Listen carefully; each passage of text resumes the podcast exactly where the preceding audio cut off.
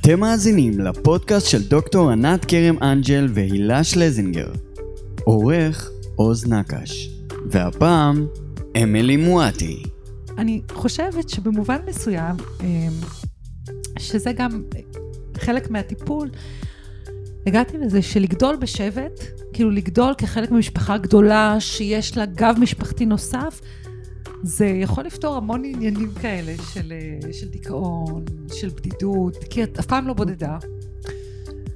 וגם מערכת הציפיות ממך היא מערכת ציפיות בסך הכל מאוד בסיסית. מקום טוב לרגשות. הפודקאסט נולד מתוך תשוקה וכמיהה עמוקה לאפשר לכל אחד להכיר, לדבר ולתת מקום לרגשות הלא זוהרים. מתוך עולם הטיפול והמדע שאנחנו באות ממנו, ברור שהחשיפה ובמה לרגשות הלא זוהרים משפרת את ה-well-being ומאפשרת איכות חיים טובה יותר. אנחנו מארחות כל פעם אורח או אורחת על רגש אחד. נשים ספוט מאיר על רגש פחות זוהר וניתן לו את כל הבמה הראויה. טוב, אז אנחנו במקום טוב לרגשות. אה, הרבה זמן, שוב, לא היינו. חגים, מועדים, שמחות. בדיוק, מכל מיני סיבות, ואני מאוד שמחה ומתרגשת להיות פה. והיום אנחנו מארחות את חברת הכנסת אמילי מואטי. שלום חברות, מה שלומכן? אמ, האמת שהולך ומשתפר מרגע לרגע. איזה יופי. אמ, במיוחד שיש לנו אורחת אה, כל כך נפלאה, עם העיניים הכחולות שלך מול הים הכחול, זה ה... ככה להתחיל את השבוע. זהירות, אני עוד צפויה להגיע לכאן שוב. אה, מוזמנת, יש עוד מעט כנס מחזור. לגמרי, של כל המשתתפים הבכירים עד כה. אוקיי, אני אשמח שאת תציגי את עצמך, כי באמת, את, אה, אני יכולה להגיד כל מיני נקודות אה, בביוגרפיית חייך, אבל אני אשמח שאת תבחרי את המילים ואת הדרך שבה את רוצה להציג את עצמך. יש מעט מאוד דברים שאני לא יודעת לעשות. זה אחד מהם. ואני חושבת שיש לזה קשר אה, ביוגרפי. יש אה, אנשים שהביוגרפיה שלהם היא כל כך אה, מסודרת, מנקודה כזו לנקודה כזו, עשיתי כך וכך אה, וכולי. הביוגרפיה שלי נורא מבולגנת. אה, רק על הנעורים שלי יש 30 אה, ביוגרפיות, וכולן נכונות אגב. אז אה, אין לי דרך לעשות את זה. אה, אני כן יכולה אה, להציג לכם את הכאן ועכשיו. אני חברת כנסת מטעם מפלגת העבודה. אני עוד מעט בת 42, יש לי שתי בנות, אה, נשואה בשנית לדניאל. אה, ואני מרגישה שהגעתי הביתה כשאני חושבת על הכנסת. אה, אני אוהבת להיות שם, חשוב לי להיות שם. הרבה אנשים אומרים שזו עבודה קשה. למען האמת, זה לא עבודה וזה לא קשה. זה שליחות, וזו שליחות חשובה, ובכל פעם שאנחנו מגיעות לכנסת, אז אני אומרת לצוות שלי שנמצא ברכב, תראו איזה יופי, איזה אדיר שאנחנו כאן. אה, וזו הרגשה היומיומית שלי אה, בדרך למשכן הכל כך חשוב הזה. שמצד אחד הוא כמו כביש מהיר, כי כל הזמן קורים בו דברים ואת מאבדת אה, תחושה של זמן. גם אני מניחה שזה לא היה בתוכנית, אבל הכנסת מתוכננת כך שאת רואה מעט מאוד אור יום. וזה גורם לך לאבד אה, תחושה, כמו אה, במטוסים החדשים של הג'טלג, שכאילו למנוע ג'טלג, אז מבלבלים, מבלבלים אותך עם האור. קשה לי להאמין שמישהו חשב על זה, אבל אה, זה המצב. גם במליאה אין אה, אור יום שחודר, וגם במשכן עצמו, שנמצא מין מבנה בתוך מבנה. אה, אז את בעצם כל הזמן בדיאלוג עם עצמך של באיזה שלב ביום אני נמצאת עכשיו. אה, לפעמים השעה 11 בלילה ואת חושבת שהשעה 2 בצהריים. ברמה הזאת, את מאבדת אה, קשר לזמן. זו הכנסת וזו הנקודה שאני נמצאת בה היום. פעם ראשונה שאני שומעת uh, באמת uh, את העובדה הזאת, זה מאוד מאוד מעניין. ניתוח ארכיטקטוני של, uh, של מבנה הכנסת.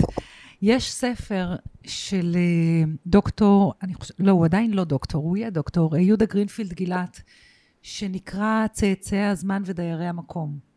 שגם הוא מדבר על, זאת אומרת, אחד הפרקים עוסקים בהפלגות, אנשים שנוסעים לקרוזים, ואיך הקשר שלהם אה, גם, לז... זאת אומרת, למקום שהוא על מקום אה, מתערער.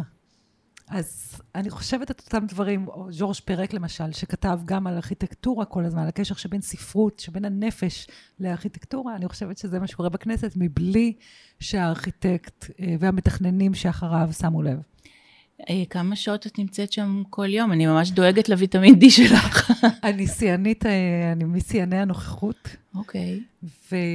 ובחודש הראשון לפגרה הייתי כמעט 120 שעות, כאשר יש חברי כנסת שלא הגיעו בכלל, אבל לא, אני המון.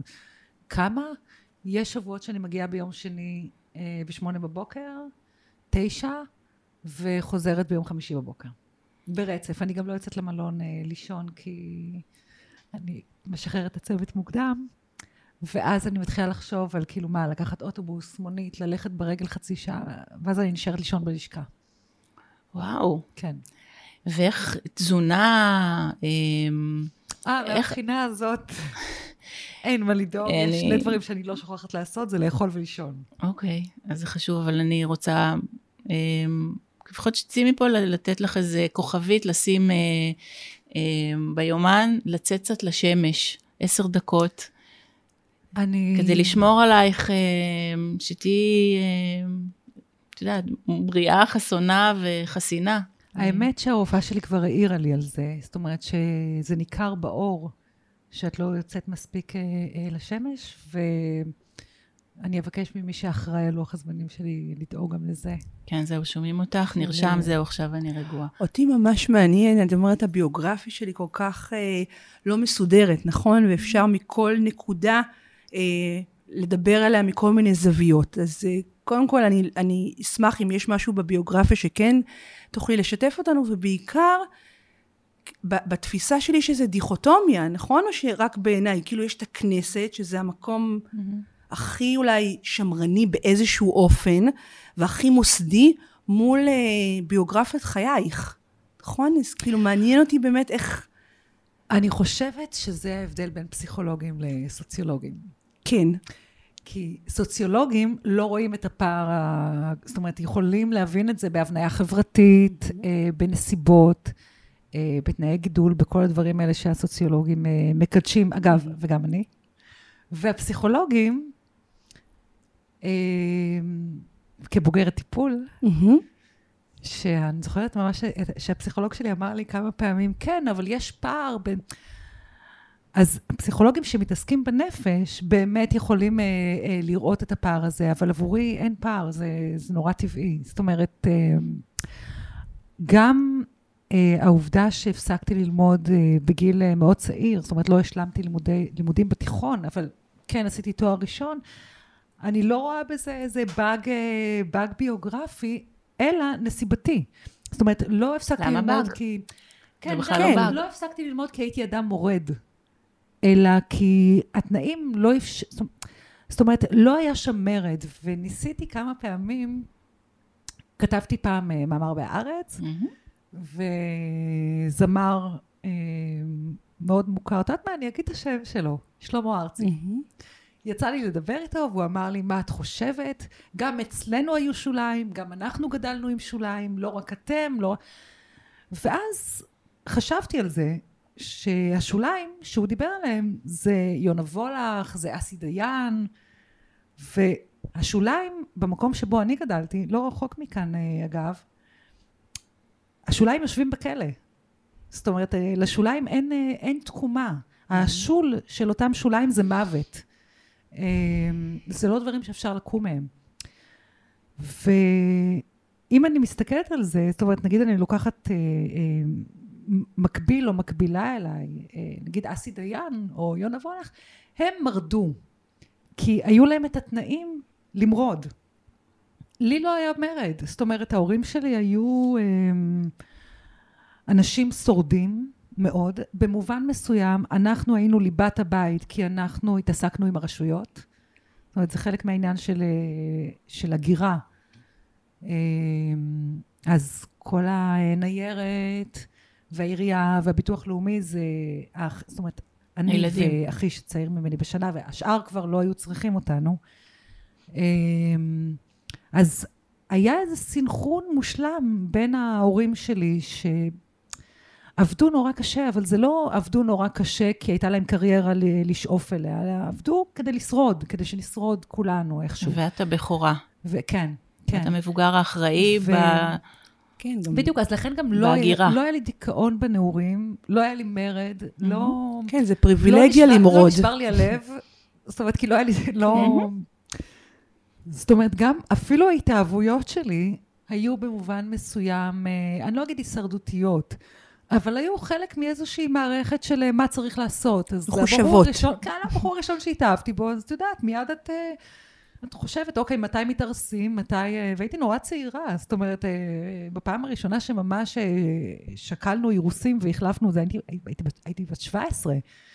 אז זה לא שאני רואה את הבנות שלי ואת הפער העצום שבו הן גדלות, שכאילו הן יכולות לטרוק דלת בבית ולשבת לבד בחדר, כי יש להן חדר עם דלת שבו הן יכולות, בחדר הן יכולות, לנו לא היה את זה, את נכנסת לחדר, את עם עוד חמישה אחים, כאילו, מי, מי חושב על... וגם אני חושבת שבמובן מסוים, אמ, שזה גם חלק מהטיפול, הגעתי לזה שלגדול בשבט, כאילו לגדול כחלק ממשפחה גדולה שיש לה גב משפחתי נוסף, זה יכול לפתור המון עניינים כאלה של, אה, של דיכאון, של בדידות, כי את אף פעם לא בודדה. וגם מערכת הציפיות ממך היא מערכת ציפיות בסך הכל מאוד בסיסית. זאת אומרת, אה, המשפחה שלי, לא, זאת אומרת, הדבר הכי טוב שיכל לצאת ממני זה להצליח להתחתן, להשתדל לעשות את זה עם גבר נורמלי, נגיד שהוא לא אלים, וללדת ילדים ולהמשיך את חיי. זאת אומרת, למצוא עבודה סבירה שתפרנס אותי. אה, זה יכול להיות לעבוד בחנות בגדים, זה יכול להיות... אה, אבל הכל נורא basic. וכש... ואני רואה את זה אצל חברות שלי, למשל, אה, שהן אשכנזיות, ו... אז תמיד הציפייה הייתה שיצא מהם משהו, משהו מהותי. לחץ זאת אומרת נוראי. ש... כן, שילכו לאוניברסיטה, שאצלנו כאילו זה היה 12 שנות לימוד. אם הגעת לסיים 12 שנות לימוד, את כאילו... וכאילו, אם הצלחת אה, לסיים כיתה י', שזה חובה, אז באמת סחטיין. אבל לא היה את כל ועל המערכת איזה שנה אנחנו הזאת. מדברים? אני לידת 80, אז אה, 95. וואו. אה, אז לא, היה, לא הייתה המערכת הזאת של, אה, של הציפיות, ולא היה, יש לי חברות למשל, החברה הכי טובה שלי למעלה, האמת היא פסיכולוגית, ואנחנו תמיד מדברות על זה, על הקשר שלנו עם האימהות. ואצלם בבית זה היה ברור שקודם כל, אה, אה, הכל, הכל אה, דביר והכל פתיח, אבל לא, לא באזור הרגשי, לא באזור של להגיד, אימא רע לי, אלא רק באזור של להגיד, אה, חסר לי כך וכך כדי להגיע, לכ-" זאת אומרת, הכל היה מאוד, בדיוק, כן, אה, אנליטי. ובמולדת 40 שלי, הייתה לי, אימא שלי התקשרה אליי, ואותה אה, חברה הגיעה אליי וסידרנו ביחד את המטבח, ואת ה... כי עשיתי כזה, זה היה בקורונה, ועשיתי יומדת 40 עם 40 חברות. ו... וישבנו ודיברנו, ואז אימא שלי התקשרה, והיא התקשרה להגיד לי שהיא לא באה, כי היא פוחדת לצאת בגלל הקורונה, ו... ואמרתי לה, וואי, אימא, כל כך תודה שילדת אותי, אני כל כך מאושרת אה, ביום הזה. וכשניתקנו, אז חברה שלי מאוד התרגשה מהשיחה הזאת, ועבורי כאילו זה יומיומי, אני מדברת עם אמא שלי בדרך מהכנסת, אני אומרת לה תודה ושאני אוהבת אותה, וזה זה כאילו דברים שהם... והיא אמרה לי, אני בחיים לא חשבתי להגיד דבר כזה לאימא שלי, זאת אומרת, זה דברים שלא נמצאים בכלל בשיח ביני לבין אימא שלי, של אה, תודה שילדת אותי, אני מאושרת, אני לא מאושרת, זאת אומרת, זה לא... אז מהנקודה הזאת אני מנסה לחזור לאן ש... אז הכנסת דווקא מאוד הולמת את החיים שלי בסך הכל, כי אני הייתי רוצה שיגיעו יותר אנשים לכנסת שמכירים מהרגליים את מה שראוי לתיקון, מאשר אלה שקראו עליהם בספרים. אה, לא שאני חושבת שרק מי שמכיר מהרגליים עוני צריך, ל- יכול לתקן, אבל אה, אני בטוחה שתהיה לו יותר, אה, שתהיה לו יותר מוטיבציה אה, לשנות את המציאות. אז הכנסת היא בסך הכל עבורי המשך טבעי אה, לאדם שאני. כן, עכשיו אני לא לגמרי התחלה. יכולה להבין את המקום, אה, בגלל שגדלת במקום שאומנם אה, תרבות החומר הייתה מאוד מצומצמת, כן? והדרישות היו מאוד מינימליות להישרדות, אבל באמת במקום הרגשי, השפע של הלב היה שם, ואני ממש מקנאה על זה. אני חייבת להגיד, כי באתי לשאול אותך, אז מאיפה המוטיבציה, מאיפה איכות הכתיבה, גם כתבת ספר, מאיפה ההבנה הזאת כל כך עמוקה, ואני יכולה להבין מאיפה זה מגיע. הלב יודע להיות חכם. זה, זאת תמיד התחושה שלי לגבי אימא שלי. שללב יש אה, חוכמה שאין לה, לה שם. אולי אתן חוקרות את זה באזורים שלכם, את החוכמה של הלב. ואת הדבר הזה שלא משנה כמה תתני לילדים שלך, בסוף, אם את לא... אם הם לא ידעו להישען עלייך, לא רק כלכלית ולא רק אינטלקטואלית, שזה משהו, אגב, שכשהייתי, כשהגעתי לתל אביב, פתאום הבנתי כמה זה חסר לי, הישענות אינטלקטואלית על ההורים. זאת אומרת, פתאום את רואה את החברות שיכולות להרים טלפון לאבא ולהגיד לו, "אה, אבא, אתה זוכר את הספר הזה והזה?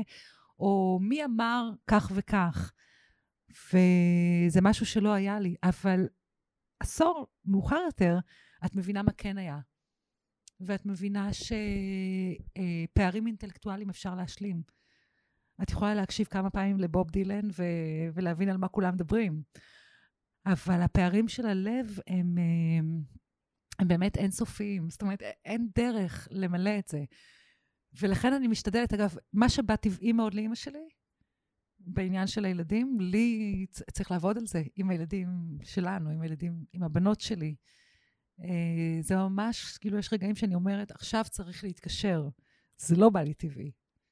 אה, אני לא יודעת אם נכון להגיד את זה בהקלטה, אבל אה, קשה לי להאמין שאימא שלי עברה לה איזושהי מחשבה, עכשיו צריך להתקשר להתעניין. ואני כן.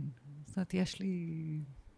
אז קודם לא כל זה הכל המקום באתי- בדיוק אה, כדי להעיר על המקומות האלה. באמת, אה, אה, אנחנו כילדים, ילדות, ועכשיו כהורים, בעידן אחר לגמרי, ממקום אחר, ו, ותודה לאל שיש איזה משהו פתאום מבפנים שנותן. אה, עכשיו, זה לא מהראש, זה מהלב.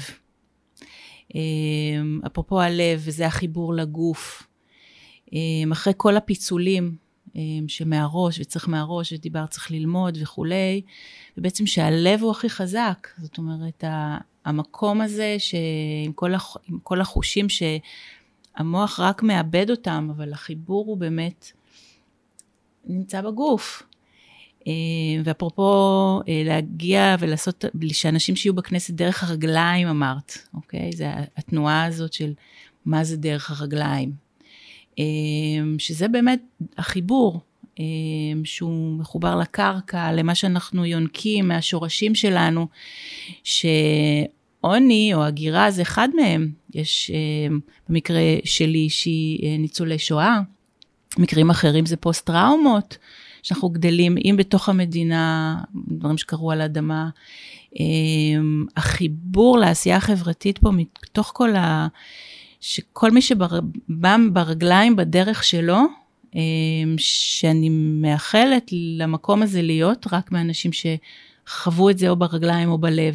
זה מדהים, ענת, אני בחיים לא חשבתי על הביטוי מהרגליים כמשהו שהוא גם דרך, אבל גם מחבר אותך לקרקע. זה כאילו נראה לי... שזה אנחנו פה. כן, העמקה של הביטוי בעצם בדיוק זה. זאת אומרת, אה, של הקרקע, של ה... של ה... לא רק... אה, אה, לא רק מצב שיוט באזורים התיאורטיים, אלא גם, גם הקרקע. גם אני מאוד אוהבת את האזורים התיאורטיים. זאת אומרת... זה החיבור, אוקיי? אמ, בשביל זה יש לנו שלט ועמוד שדרה, ואנחנו משתמשים המון בשפה שלנו, אמ, ו- ואני כן, מזמינה אותך להיות, שדרה. כן, בדיוק, ובואי נדבר על זה, אמ, או לא, אבל זה בדיוק המקומות האלה שפתאום יש פיצול, שמקום אחד לוקח למקום אחר, ואז יש חוסר שיווי, ואיך אומרים? איבדתי שיווי משקל, אוקיי? כי, כי משהו לקח אותי ולא הייתה לי תשומת לב. אמ, תשומת לב זה לשים את הלב, אוקיי? בלועזית אומרים מיינדפולנס, ואני אומרת, לא, אנחנו, אנחנו, אנחנו בתשומת לב. אה, אז זאת הזמנה באמת. אה, או באנגלית, attention, גם, זאת אומרת, אה, שיש בזה גם סימן אזהרה. נכון, לא רק- נכון. סליחה, זה לא רק להתעכב על הדבר המסוים הזה, אלא גם זה- להיזהר, להיזהר בו, להיזהר ממנו. שזה הישרדותי לחלוטין. כי כשיש משהו שהוא פתאום קורה, אה, זה במטרה לשמור עלינו. ו... ואז זה כואב. שמזכיר לנו שהגוף פה, אה, וצריך לשמור עליו, אפרופו שמש וויטמין D. שמש, ויטמינים, אה, עמוד שדרה, אה, כפות רגליים, כן, כן, כן. אלו דברים שאגב, גם, אני חושבת שחלק מהעולם החדש הזה, אולי אתן פחות כי אתן עוסקות בזה ביום-יום, אבל אה, באזורים הבנאליים שלנו, אנשים פחות ופחות מתעסקים ב- בגוף, זאת אומרת, ב- באיך לחיות פיזית, ולא רק אה, איך לשרוד, או איך להמשיך, או איך להתקדם. עד שהגוף מזכיר. כן, ואז את מקבלת אה, התראת מערכת. כן, אני חושבת שזה גם חלק בלתי נפרד לזה שהם פחות מיומנים לדבר את איך שהם מרגישים. את יודעת, אפרופו לשאול מישהו מה שלומך, זה מה, שלום, מה, מה שלומך, מה קורה איתך. אז הרבה פעמים אנשים נותנים איזה צ'קליסט כזה, זו נכון? שאלה נורא אינטימית, אגב. כן, בדיוק, זו שאלה מאוד מאוד אינטימית, אבל לא הרבה אנשים נותנים את התשומת לב, וזה ככה מזכיר לי, גם העליתי את זה באחד הפרקים, כשהייתי קצינה בצבא, הייתי קצינה בכלא 4, ושלחו אותי לפלוגה הכי קשה, באמת, של אסירים, אפרופו, שהם באזרחות שלהם, הם אה, פושעים לכל דבר, מסמים מאוד קשים עד אה, עבירות אלימות מאוד קשות. ואני זוכרת שנכנסתי לשם וממש הרגשתי על הגוף שלי כמה קשה לי עם הרגליים להיות שם, כי את בטח מכירה, נכון? היית, אה, זה לפתוח כמויות של שערים ולהרגיש את הריח הזה של הכלא, נכון? שהוא מאוד מאוד חזק. ואחד הדברים שעשיתי, פשוט כינסתי את המחלקה וכל יום הייתי מקריאה להם שיר, שירה עברית. ובהתחלה היה על זה המון צחקוקים, וכאילו לא הבינו מה הם רוצים, ומפעם לפעם נהייתה, אני חושבת שאחד המפגשים הכי משמעותיים בחיי, זה השעה וחצי הזאת עם 40 אסירים, שכל מה שהם עשו זה לדבר את עולם הרגש שלהם. וזה היה פשוט מדהים, וזה הכל היה דרך השירה העברית. אז אפרופו, אני חושבת שכשגוף מתחבר, ולא רק ברמת המסדרים ומה צריך לעשות ולהיות מסודר, ומחברים אותו למקום הרגשי שלו, אז באמת התוצאות יכולות להיות יוצאות דופן, ולא משנה מאיזה רקע הגעת. זאת אומרת, יש באמת איזו אופציה כזאת להביא את עצמך כאדם, במובן המלא של המילה. כן, אבל זה גם הקשב. זאת אומרת, הסיטואציה כן. לא הייתה נוצרת אלמלא הסבלנות שלך, כן. ואלמלא התחושה שלהם שהם בסביבה אה, מוגנת. שהם יכולים, אגב, הניסיון שלי דווקא עם, אה, עם אה, בתי הסוהר היה ש... הייתי חלק מפרויקט לשיקום ילדי, ילדי אסירים, כשלמדתי הוראה, ואחת לשלושה חודשים היינו הולכות לבית בית הסוהר לב- לבקר את, ה, את האבות, וזה לא היה ביקור רגיל, זאת אומרת, זה לא היה ביקור שאת אה, יושבת בח, בחלל המבקרים, אלא ממש נכנסים לאגפים, יושבים ב, במגרש הכדורגל ומדברים, והכל אה, נורא חופשי ופתוח. והיה באחד המפגשים, אני לא זוכרת איך זה קרה, כן, אני זוכרת איך זה קרה. זה היה מפגש בלי הילדים, שהלכנו רק, אה, רק החונכים, וישבנו עם האסירים, וישבו העובדות הסוציאליות, ואחד האסירים אמר, אה, אני בחרתי בפשע. הייתה לי בחירה ואני בחרתי בפשע. וזה כל כך העציב אותי, כי, אגב, הסטודנטים האחרים הנהנו, וגם העובדות הסוציאליות היו נורא מרוצות שהוא הביא את עצמו להגיד שהוא בחר בפשע. אבל זה העציב אותי כי הוא לא בחר בפשע. זאת אומרת, הפשע, הפשע בחר בו, אני לא מאמינה שאנשים אה, אה, בוחרים אה, בפשע. זאת אומרת, זה לא שהיו לו אפשרויות ללמוד בטכניון, או להיות אה, סוחר סמים, ומה לעשות, הוא התפתה להיות, אה, זאת אומרת, המרכיב הזה של הפיתוי, אני חושבת הוא מרכיב שלא מספיק מדברים עליו אה, בפשע. את לא מתפתה לפשע כשיש לך אפשרויות אחרות. אבל uh, כשהמנעד שלך הוא כל כך uh, צר, אז כל מה שאורב לך ביערות החשוכים האלה של העוני וההדרה, מגיעה אליו ברגע. זאת אומרת, את כמו נהר כזה ש, שזורם ומגיע לאן שהוא צריך להגיע, והמקום הנוראי הזה הוא המקום שידוע עבורך. הוא לא מקום של, הוא לא מקום של בחירה. ולכן גם כשאנחנו מדברות לפעמים, יש לנו כל מיני חוקים אה, שנוגעים לגיהנום הזנות.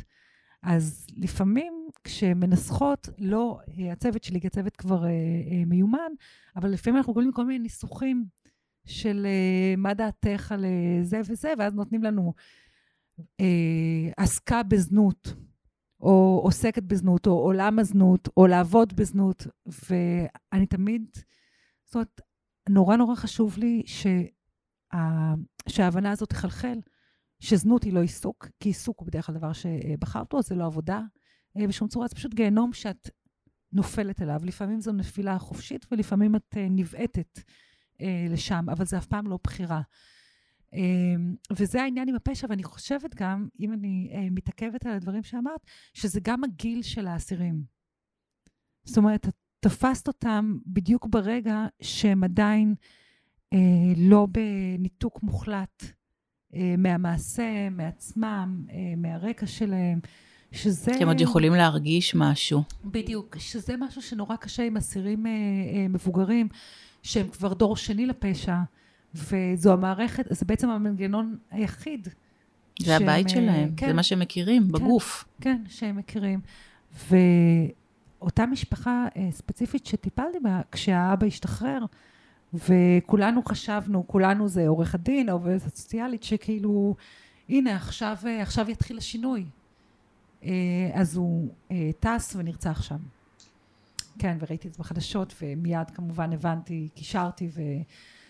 זאת אומרת, אז זה לא רק הוא, זאת, זו מערכת שלמה שאני חושבת, יש לי תחושה כזו שחינוך יכול לשנות, אבל זה לא חינוך של להגיע לבתי, אלא זה חינוך של, של גיל אפס, של, של למנוע את, ה, את ההידרדרות לשם, וגם אני לא סגורה ששלילה מוחלטת של החופש, זאת אומרת, אני לא סגורה שענישה זה הדרך היחידה להתמודד עם זה. אני חושבת שבעולם של עוד אה, חמישים שנה, אה, השימוש בבתי הכלא ילך ויצטמצם למסגרות אה, טיפוליות ולא למסגרות של, אה, של ענישה שבסוף יוצרות מערכת שלמה של, של תסכול. אז ברור שיש פשעים שאין לנו אלא, זאת אומרת לשלול באופן מוחלט את החופש כדי להגן אה, על הציבור.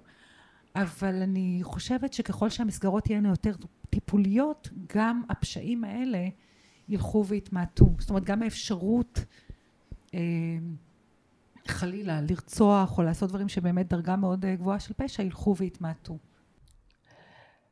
אז ככה, אני יודעת אה, שככה היה לך איזשהו רעיון בזמנו, נכון? שדיברת על אה, דיכאון אחרי לידה? דפנה ליאל, כן. כן, אז זה מאוד מאוד חשוב לי שאנחנו רגע ניתן לזה תשומת לב בתור מישהי שמלווה הרבה נשים לפני ואחרי לידה, וכל נושא הדיכאון אחרי לידה בכלל לא מדובר. עדיין? עדיין, עדיין, יש שם הרבה בושה והרבה מאוד הסתרה והרבה מאוד ניסיונות כאילו לשים את זה רק תחת הלידה ומהר מאוד אה, אה, לשכוח מזה. ואני כן אשמח לשמוע ממך אה, ככה את, ה, את החוויה שהייתה לך ומה אפשר לך בעצם להתמודד ולצאת מזה. האמת שזה לא היה דיכאון לאחר לידה, כי לא הייתי מדוכאת. זאת אומרת, לא, כל המרכיבים של אה, עצב אה, לא, לא היו חלק מזה. זה היה אה, חרדה, יותר חרדה מדיכאון. אה, פחד. אה, אין לי דרך להסביר את זה במילים. אפילו בטיפול הפסיכולוגי לא דיברתי על זה, כי את בשלב מסוים, בדינמיקה הזאת, את לא, את לא מזהה את עצמך. זאת אומרת, האדם השמח, האופטימי, כל הדברים האלה שהייתי, לא, זאת אומרת, זה לא שהפכתי לאדם קודר, או עם מחשבות אובדניות, ועם, אלא פשוט אה, חרדה של אה, חששתי, חששתי מעצמי. אה, וחששתי מאיבוד שליטה. אה, השיא של, ה, של האירוע היה שהגעתי לחדר מיון, ורציתי שיעשו עם זה משהו. ו... והפסיכיאטר של חדר מיון מצא לנכון להגיד לי שאני לא פסיכוטית ולכן אין לו מה לעשות עם זה.